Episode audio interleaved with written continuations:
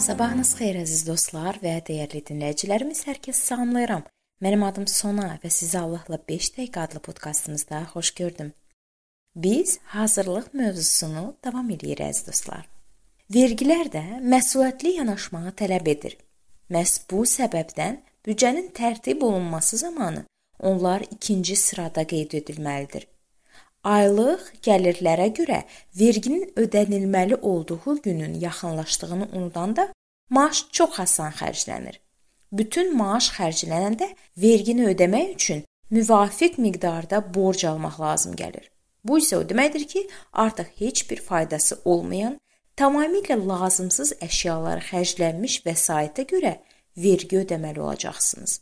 İşlərin bu həddə çatması sonradan çətinliklə dəf edilən maliyyə böhranının başlanğıcı kimi qiymətləndirilə bilər.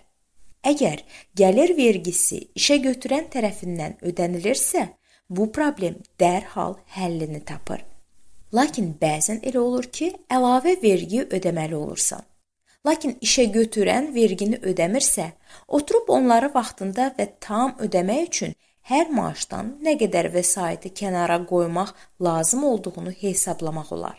İstənilən digər, məsələn, əmlaka görə vergini də büdcənin bu qrafasında göstərmək lazımdır.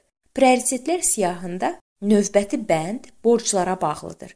Yaxşı olar ki, gənclər dərhal ödəyə bilmədikləri əşyaları almaqdan vaz keçsinlər.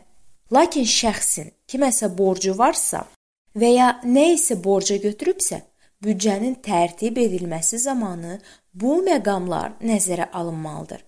Hətta ödənişləri ildə bir dəfə və ya 6 aydan bir etmək lazımdırsa, sonradan bu hesabları vaxtında ödəyə bilmək üçün hər ay lazım olan məbləğdə vəsait kənara qoyulsa yaxşı olar. İndi siz yəqin ki, belə düşünürsüz. Büdcə ilə bağlı təkliflər heç xoşuma gəlmədi. Bununla belə bütün bunlar maliyyə məsələlərinin reallıqlarıdır.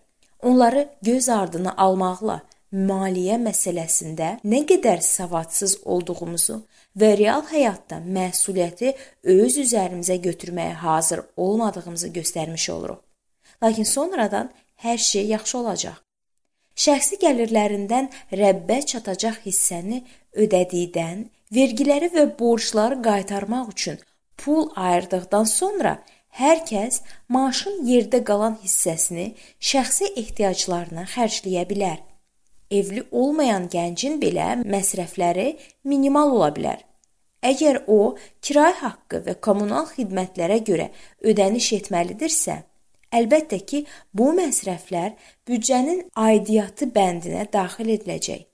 Bura həmçinin pal-paltar və digər şəxsi ehtiyaclar üçün xərclər daxil edilməlidir.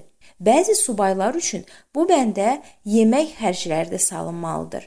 Gənclər hər bir xərc növünün onlar üçün nə qədər vacib olduğunu və əllərində qalan pulun hansı hissəsini bu məsrəflərə xərcləmək istədiklərini müəyyən edə bilərlər.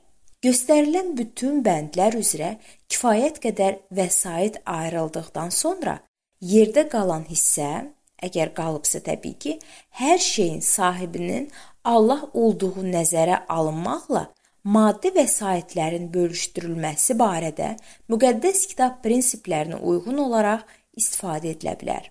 Əgər şəxs məsrəfləri kateqoriyalar üzrə sistemləşdirərək xərclənən pulların hesabatını aparırsa, o puldan istifadə məsələsində özünün zəif və güclü tərəfləri barədə çox şey öyrənir. O, vacib olmayan və gələcəkdə ona heç bir fayda gətirməyəcək əşyalara çox pul xərclədiyini dərk edə bilər.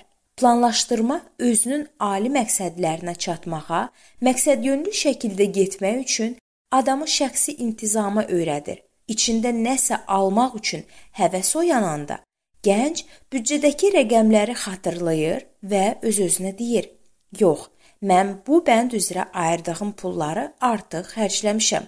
Bu qədər gözləyim, gələn ay alaram. Bu mövzunun qalan hissəsini növbəti görüşümüzdə davam eləyəcəyik.